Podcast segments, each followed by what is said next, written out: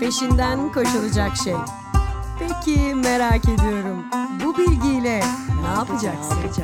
Merak Lisesi'nin 48. bölümünden herkese merhaba. Ben Çağrı. Bu bölümde sizinle paylaşmak istediğim konu lisede keşke öğrenseydim dediğim 10 konu olacak. Yani düşünüyorum böyle bakıyorum geçmişe doğru hani şu anki hayatıma bakıyorum ve keşke da çok daha erken öğrenseydim dediğim bazı şeyleri toplamaya başladım. Yani bunların çoğuna baktığın zaman öğrenmesi uzun zaman aldı. Keşke lisede öğrenseydim. Hatta üniversitedeyken diyordum ki hani zaten birçok şey öğrendik. Bunlar ne işime yarayacak falan. Sonra iş hayatına başlayınca ki ben üniversiteye çalışmaya başladım. Üniversite 1 ile beraber. Ve aslında ne kadar az şey bildiğimi gördüm. Yani öğrendiğimi düşündüm, bildiğimi düşündüm birçok şeyin aslında bilmediğimi ve bilmediğim şeylerin çok fazla olduğunu ve lisede aslında öğrendiğim çoğu şeyin de çok bir işe yaramadığını daha da net bir şekilde fark ettim. Sonuçta eğitim sistemi bize şu anda istediğimiz birçok şeyi vermiyor. Bunu hepimiz farkındayız. Dolayısıyla bunları öğreneceğimiz alanlar genelde iş deneyimine geçtikten sonra oluyor. Hatta iş hayatına başladığımızda unknown dediğimiz bir kavrama denk geliyoruz. Yani aslında öğrendiğimiz şeylerin çoğunu tekrardan geri alıp yeniden öğrenme haline geçmeye çalışıyoruz. Çünkü öğrendiğimiz çoğu şey aslında pek bir işe yaramıyor. Dolayısıyla bu da farklı bir beceri kazanmamız anlamına geliyor. Bunlara baktığımda birçok hata yaptığımı, hatalarımın bana çok büyük şeyler öğrettiğini, başarısızlıklarımı bana çok şey kazandırdığını görüyorum. Dolayısıyla çok fazla hata yapmak aslında çok büyük bir yarar sağlayan bir şeye dönüştü. Ama ben bunun lisede böyle öğrenmemiştim. Dolayısıyla iş hayatıyla beraber, ilişkilerimizle beraber, insanlarla kurduğumuz arkadaşlık ortamında ya da romantik ilişkilerimizde de yakından gördüğümüz bir şey var. Aslında öğrenebileceğimiz çoğu şeyi öğrenmekte çok geç kalıyoruz. Ve bunlar için çok fazla zaman harcıyoruz sonrasında. Ve birçok şeyini öğrenmek için de bazen yeterli vaktimiz olmayabiliyor. Ben de bu bölümde geçmişe dönüp baktığımda ben keşke daha önce öğrenseydim dedim neler var diye listelemeye başladım ve bunların çoğunu aslında böyle lisedeyken öğrenebileceğimi fark ettim yani. Keşke lisedeyken öğrenseydim dedim. Lisedeyken öğrenebilseydim belki de şu anki ben yine tabii ki de hani yine ben ben olur muydum bilmiyorum o soruyu cevabını ama çok daha fazla şey öğrenecek belki de daha farklı alanlarım olabilirdi. Ve lisedeyken öğretilen birçok şeyin aslında bize ezberletilen şeyler ve çok fazla işimize yaramayan, hani günlük hayatında bunlar ne işime yarayacak hocam sorusunun cevabını bulamadığımız kavramlardı. Ve bunların yerine öğretilebilecek çok fazla şey vardı. Sonra ben baktım dedim ki hani benim gibi düşünen birileri var mıdır deyip araştırma yapmaya başladığımda birçok farklı kaynak gördüm. Mesela Huffington Post'ta lisedeyken öğrenseydim dediğim 50 madde var. İşte bir başka sitede 30 madde var. Bir başkasında 20 madde var. Bir başkasında 100 madde var. İnsanların çoğu da benzer bir şey içerisine girmiş. Keşke lisedeyken öğrenseydim dediğimiz çok fazla şey olmuş. Ve insanlar bu maddeleri oluşturdukları zaman baktığımda çoğu madde birbirine benzese de çok büyük farklılıklar da var. Ben de kendi listemi oluştururken şu anda oluş kendi listeme bakıyorum şu an oluşturduğuma ve bu listelerden benzerlikler olsa da çok farklı düşündüğüm şeyler de var aynı şeyi yazarak. Aynı şeyi yazdığım zaman farklı düşündüğüm şeyler de var. Ve tabii ki de şöyle bir şey oldu yani. Ben de şunları şunları öğrensin derken bir baktım çok kabarık bir liste olmaya başladı ve liste çok çok uzuyordu. O yüzden bunları biraz daha toparlayıp dedim azaltayım, kısaltayım, önceliklendireyim. İşte o zaman da karşıma 10 tane madde çıktı. Bu bölümde de sizinle bu maddeleri paylaşacağım. Bölüm dinlerken de sizden istediğim şey, siz de lise hayatınıza baktığınızda keşke şunları öğrenseydiniz neler var? Kendi listenizi oluşturabilirsiniz. Hatta ben de bu podcast'le beraber bir tane Instagram hikayesi için bir görsel hazırlıyor olacağım. 10 tane boşluk olacak. Sizler de o görsel üzerinden keşke şunları öğrenseydim dediğiniz şeyleri paylaşabilirsiniz. Hatta bölümü arkadaşlarınıza önerebilir, onlarla paylaşabilir, sosyal medyadan paylaşabilirsiniz ve merak listesinin daha fazla kişiye ulaşması için destek olabilirsiniz. Tabii kısa bir tane de reklam yapayım. Bildiğiniz üzere Merak Listesi bültenine başladım. Her pazar saat 11'de e-posta kutunuzda oluyor. Hem bu bölümün notlarını hem de o hafta içerisinde kendi merak listeme attığım konuları sizlerle paylaşıyorum. Şu an baktığım kadarıyla 95 abonem var ve bu çok güzel bir sayı. Ben bu kadar kişi olmasını beklemiyordum gerçekten. O yüzden çok teşekkür ederim abonelerin hepsine.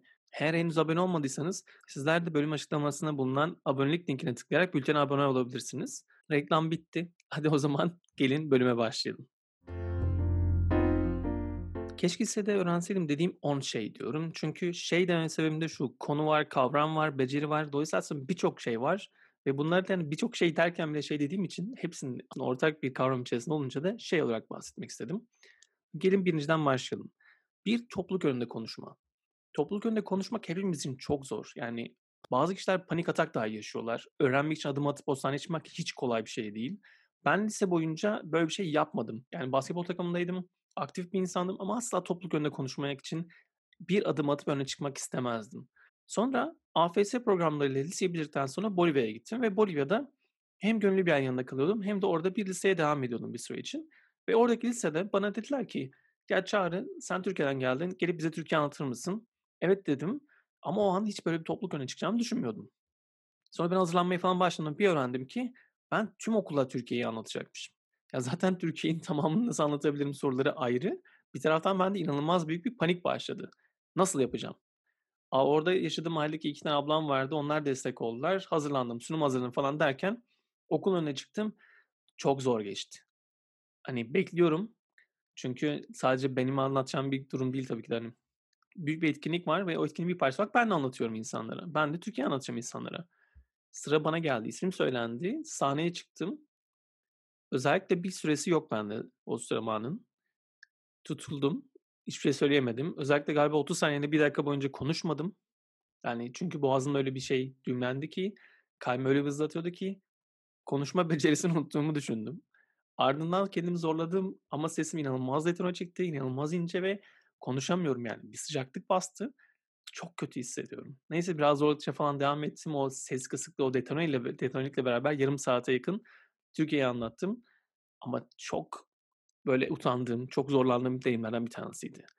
Ardından bunun üzerine gittikçe ben topluluk önünde konuşmaya başladım ama hâlâ mesela topluluk önünde konuşmak işimin bir parçası olsa da hâlâ çok zorlanıyorum. Özellikle bir topluluk önünde konuşmak için başladığımda, ilk adımı attığımda inanılmaz derece kalbim hızlanıyor, geriliyorum.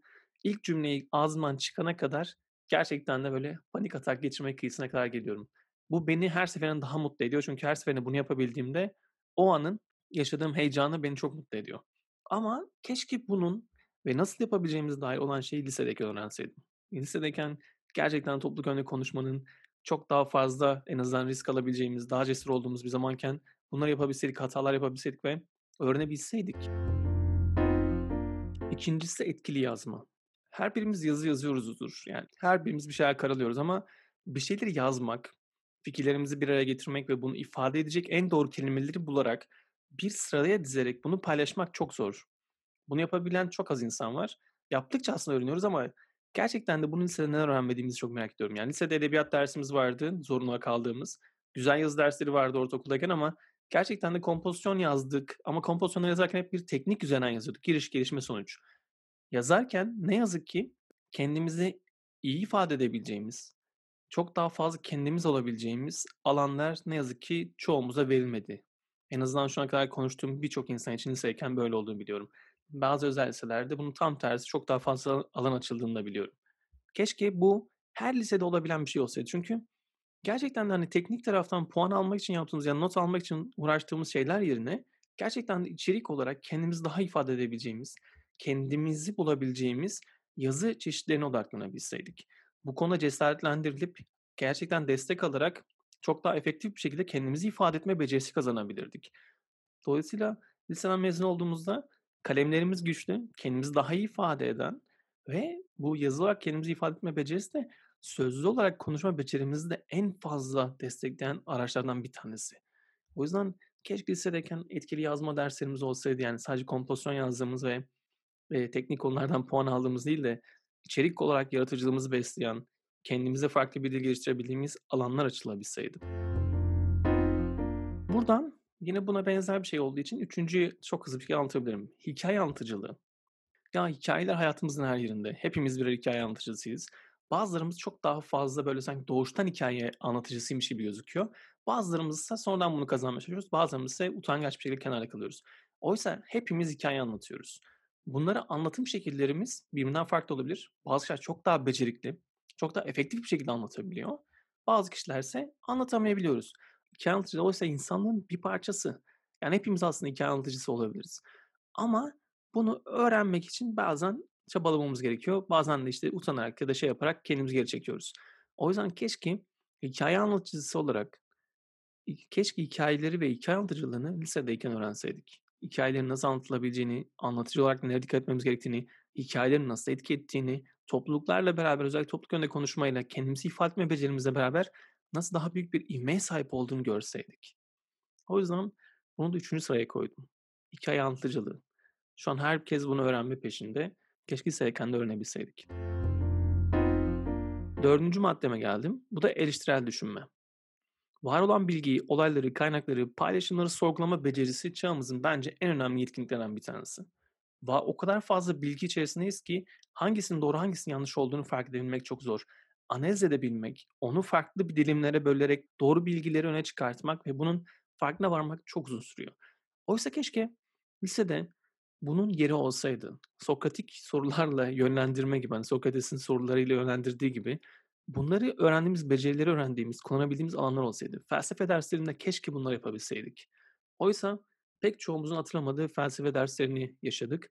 Belki bazı için çok büyük öneme sahiptir ama felsefe hayatımızın her yerinde olmazsa olmaz bir şeyken lisede ne yazık ki sınavda çıkmıyor diye es geçilen, içerisine farklı derslerin konulduğu bir kavram olarak kaldı. Oysa belki de en önemli yetkinlikleri öğrenebileceğimiz yerdi. Keşke buna daha fazla önem verilse. Keşke gerçekten eleştirel düşünmenin en fazla öğretildiği yerlerden bir tanesi liseler olsa. Tabii ortaokuldan veya belki de okul öncesinden başlayarak öğretilen bir şey olsa. Beşincisi ise etkili dinleme. Yani aslında gözler ile dinlemek. Dinlemek diyorum. Dalai Lama diyor ki konuştuğun zaman sadece bildiklerini tekrar edersin. Ama dinlersen yeni bir şeyler öğrenirsin.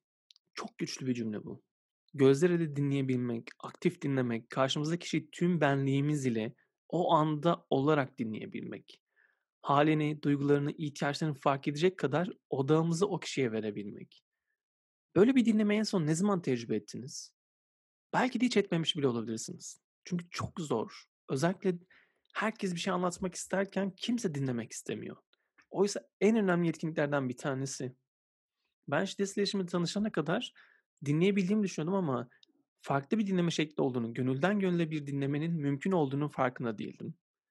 Ve gerçekten bu beni bir tanesi oldu. Çünkü yaptığım iş eğitmenlik, öğrenme yolculukları tasarlamak ve gerçekten aslında bir sahneye çıktığımda, bir insanla tanıştığımda onların ne ihtiyacı olduğunu ya da hangi sorulara sahip olduğunu ya da o ortamda anlattığım şeyin ne kadar gittiğini görebilmek için yaptığım en önemli becerilerden dinleyebilmek.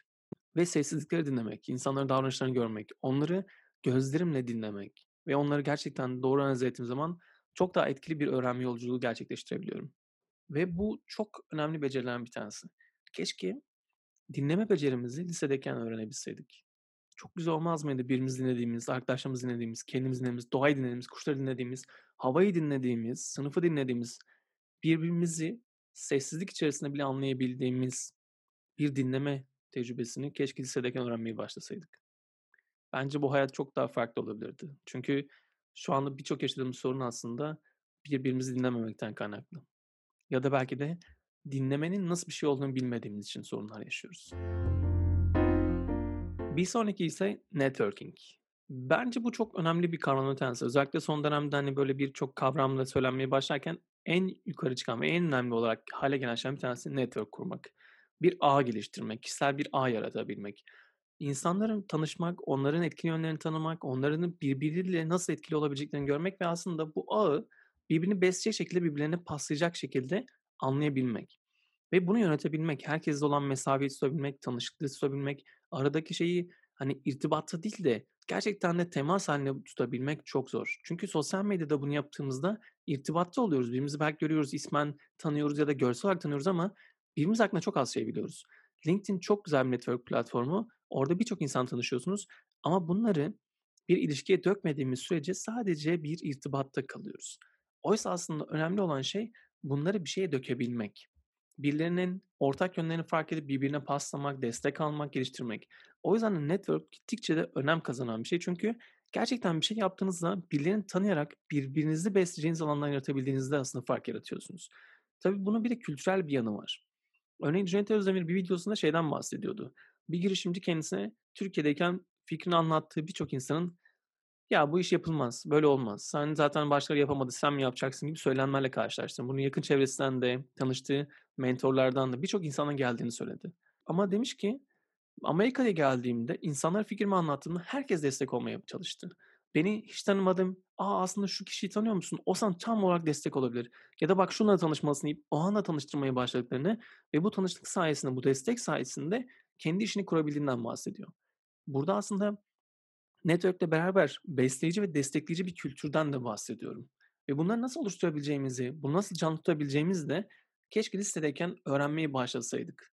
Gerçekten de çok güzel olmaz mıydı? Düşünsenize hani böyle bir network yaratıyorsunuz ve bunu büyütmeye başlıyorsunuz. Ben çok önemli. Ben mesela merak listesiyle ya da yazarak ya da işte bir şeyler paylaşarak aslında yapmak istediğim şey öğrenme network'ü kurmak. Çünkü gerçekten öğrenebil kalmak için çok önemli şeylerden bir tanesi var. Böyle bir ağıyla besleyici, besleyici ve destekleyici bir ağ yaratabilmek ve bunu canlı tutabilmek çok kıymetli. O yüzden de mesela bu podcast yapmaya başladıktan sonra çeşitlenmeye başladı şu anda bir merak listesi bülteni hazırlıyorum. Dolayısıyla bunun amacı aslında bildiğim şeyleri paylaşarak başkalarına da desteklemek, başkalarının da paylaşarak bana destek olmasını sağlamak ki böylece aslında kendimizi daha fazla geliştirebilelim, daha öğrenilir kalalım. Eğer henüz abone olmadıysanız açıklama kısmında bülteni görebilirsiniz. Ona tıklayarak abone olabilirsiniz. Her pazar saat 11'de e-posta kutunuzda bulabilirsiniz. Yedinci ise başarısızlığın doğallığı. Bu kavramı çok seviyorum.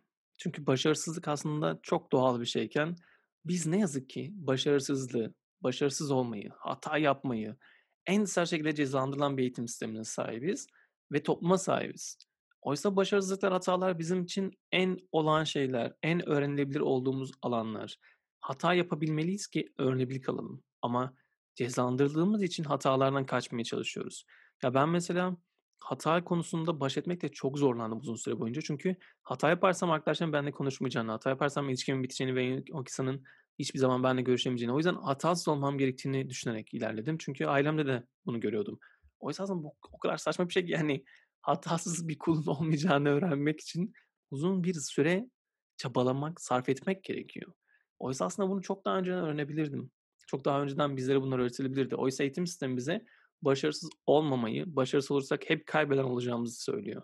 Oysa aslında kaybeden olmak, başarısız olmak daha başarılı olabilmek için bize yol açan şeylerden bir tanesi. Çünkü ne kadar çok başarısız olarak hata yaparsak o kadar iyi öğrenebiliyoruz. Tabi burada şöyle bir parantez açmak lazım. Başarısızlıklarımızdan, hatalarımızdan nasıl ders çıkartacağımızın aslında lisede öğretilmesi gerekiyor bize. Bu yapılmadığı zaman zaten zorlanıyoruz. Sonra bunu deneyimleyerek öğrenmeye çalışıyoruz. Ve bu da o kadar kolay bir yolculuk değil. Sürekli hata yaptıkça o hatalarla baş etmeyi, o hataları nasıl aslında bizim için dersler olacağını öğrenmeye çalışmak çok zorlayıcı olabiliyor ve bazen de istemediğimiz hatalarla istemediğimiz şeyi kaybedebiliyoruz. Çok ağır bedeller ödeyebiliyoruz. Tabii ki aslında ödediğimiz bedeller aldığımız dersler yanında belki de çok küçük kalabiliyor. Bu konuda Will Smith'in bir videosu var. Bu konuda Will Smith'in bir videosu var. Videosunda şu cümlesi beni çok etkiledi. Diyor ki erken başarısız olmalısın. Sık sık başarısız olmalısın ve ileriye dönük hatalar yapmalısın. Şimdi bu çeviride tabii hata olabilir çünkü İngilizcesinde şöyle söylüyor. You have to fail early, you have to fail often, you have to fail forward. Ben buradaki fail forward kavramını çok sevdim. Yani ileriye dönük hata yapmak. Ben çok keyif aldım. Video açıklama kısmında paylaşıyorum. Üçüncü dakikadan sonra konuşması dinleyebilirsiniz. Çünkü ileriye dönük hata yapabilmek çok güzel bir kavram değil mi ya? Yani çok güzel bir tanım. Ben bunu çok sevdim.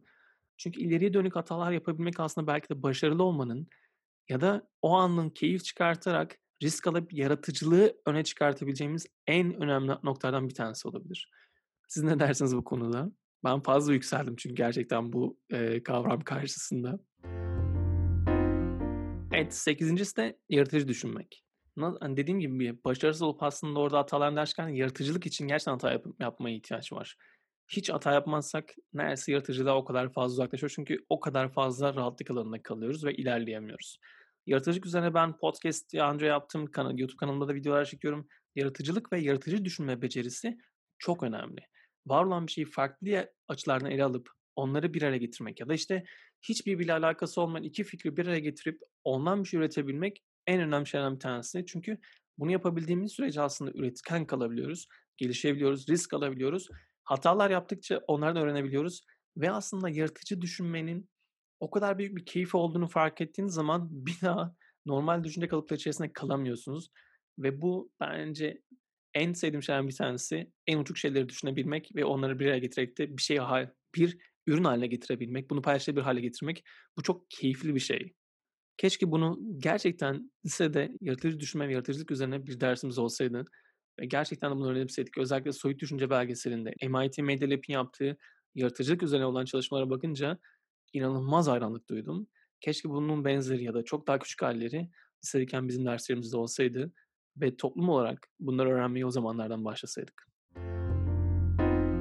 Dokuzuncusu ise duygular. Yani duyguları anlamak pek çoğumuz için çok zor. Benim için çok zorlu bir yolculuk oldu. 31 yaşındayım ve gerçekten duyguları anlamak için olan süreç içerisinde kendi duygularımı anlamadığım, kendi duygularımı baskılamaya çalıştığım, kendi duygularımın ne demek olduğunu ya da hangi duygunun aslında adını bulamadığım için de nasıl yaşayacağımı bilemediğim çok fazla zaman oldu. Duyguların ne kadar olduğunu sorduğumda da kendime hani belki de lisedeyken duyguları say deseydim bir elin parmaklarını hadi iki elin parmaklarını geçmeyecek kadar sayardım.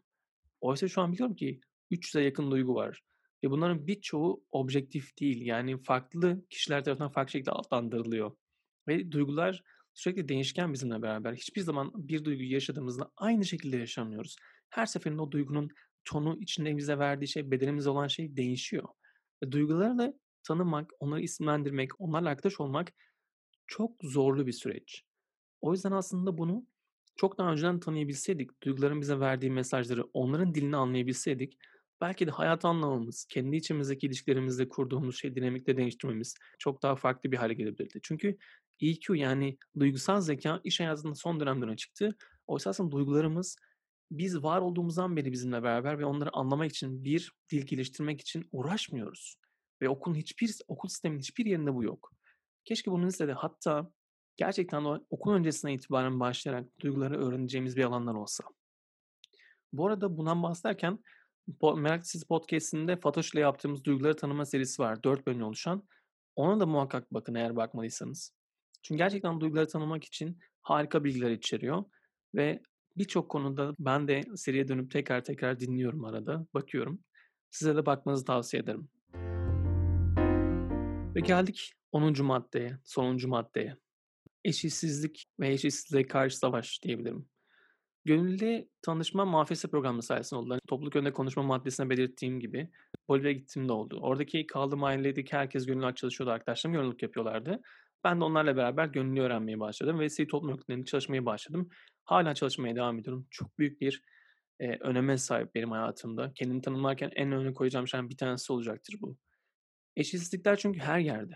Örneğin mesela şu an pandemi sürecinde eğitimle ilgili baktığımızda pandemi uzaktan eğitime geçildiğinde milyonlarca öğrencinin eğitim hakkına ayarlanamadığını görüyoruz. Ülkemizde kadın cinayetlerinden tutun kadın haklarına karşı çok fazla gerideyiz ve yapılması gereken, verilmesi gereken çok büyük bir mücadele var. Eşitsizlik her yerde. Hayatımızın her yerinde, gerçekten nefes aldığımız her şeyde eşitsizliği görebiliyoruz. Ve keşke lisedeyken gönüllülükle uğraşmaya başlasak, lisedeyken vaktimizin bir çoğunu gerçekten sonrasında mezun olmadığımızda işimize yaramayacak bilgiler yerine gerçekten hayatın içinden bilgileri ayırsak, öğrenciler olarak gerçekten çevresinde yerelden başlayarak okulun etrafındaki sorunları ele alıp onları çözmeye başlasa, onlar için çözüm üreten birileri haline gelsek, eşitsizlikleri anlasak ve onları nasıl çözebileceğimizin çözüm önerilerini görsek. Mesela Circle Up ekibi var. Kendileri lise öğrencileriyle projeler geliştiriyorlar, çözüm üretiyorlar, girişimler oluşturuyorlar. Çok güzel işler yapıyorlar, onları takip edin derim. Mesela onların yaptığı çok değerli. Keşke bu liselerin hepsinde olabilse. Keza bir taraftan da Bill Gates mesela dünyanın en zenginlerinden bir tanesi ve son yıllarda hayatını dünyayı güzelleştirmek için adadı. Ve yaptığı şeyleri takip etmek çok keyifli ve yaklaşık 4-5 sene önce şöyle bir şeyden bahsediyordu. Tweet atmıştı. Diyordu ki üniversiteyi bıraktığım zamanlarda dönüp baktığımda keşke öğrenseydim dediğim birkaç şey var. Okulu bıraktığımda eşitsizlik hakkında çok az şey biliyordum. Dünyadaki eşitsizliği öğrenmek 10 senemi aldı. Çok uzun bir süre değil mi? Gerçekten bir şeyler yaptığımızda, okuldan mezun olduğumuzda birçok şeyi bilmeden mezun oluyoruz. Oysa hayatın içinde olan en doğal şeyleri görmekten kaçabiliyoruz. Ve en önemli şeyler gerçekten gözümüzde olan şeylerden bir tanesi eşitsizlik. Onlarla nasıl mücadele edeceğimizi, onlara nasıl destek olabileceğimizi ya da kendimizden başlayarak bunlarla ilgili neler yapabileceğimizi, belki de hayatımızdaki, işimizdeki her şeyi odağına dünyada eşitliği getirecek şekilde nasıl koyabileceğimizi keşke lisede öğrenmeye başlasaydık. Belki bundan sonrasında bunlar olabilir. Bilmiyorum ama bu ana kadar düşündüğümde, özellikle ben kendim için de baktığımda keşke lisede öğrenseydim dediğim ve ilk yani son listeme soktuğum, en daralttığım listede olan 10 madde bunlardı. Sizler lisedeyken neler öğrenmek isterdiniz? Lütfen bunları sosyal medyadan paylaşın, beni etiketleyin, yorumlar yapın, üzerine konuşalım. Başka neler olsaydı sizce bu liste içerisinde? Ya da sizin için 10 maddeniz bunun benim anlattığım kaç tanesini içeriyor da hiçbirisini içermiyor? Lütfen bunları paylaşın. Hep beraber üzerine konuşalım. Elbette bölümü ilgisini çekeceğiniz arkadaşınızla paylaşabilir, daha fazla kişiye ulaşmasına da katkı sağlayabilirsiniz. Bu beni çok mutlu eder. Beni dinlediğiniz için teşekkür ederim. Bir sonraki bölümde görüşmek üzere. Hoşça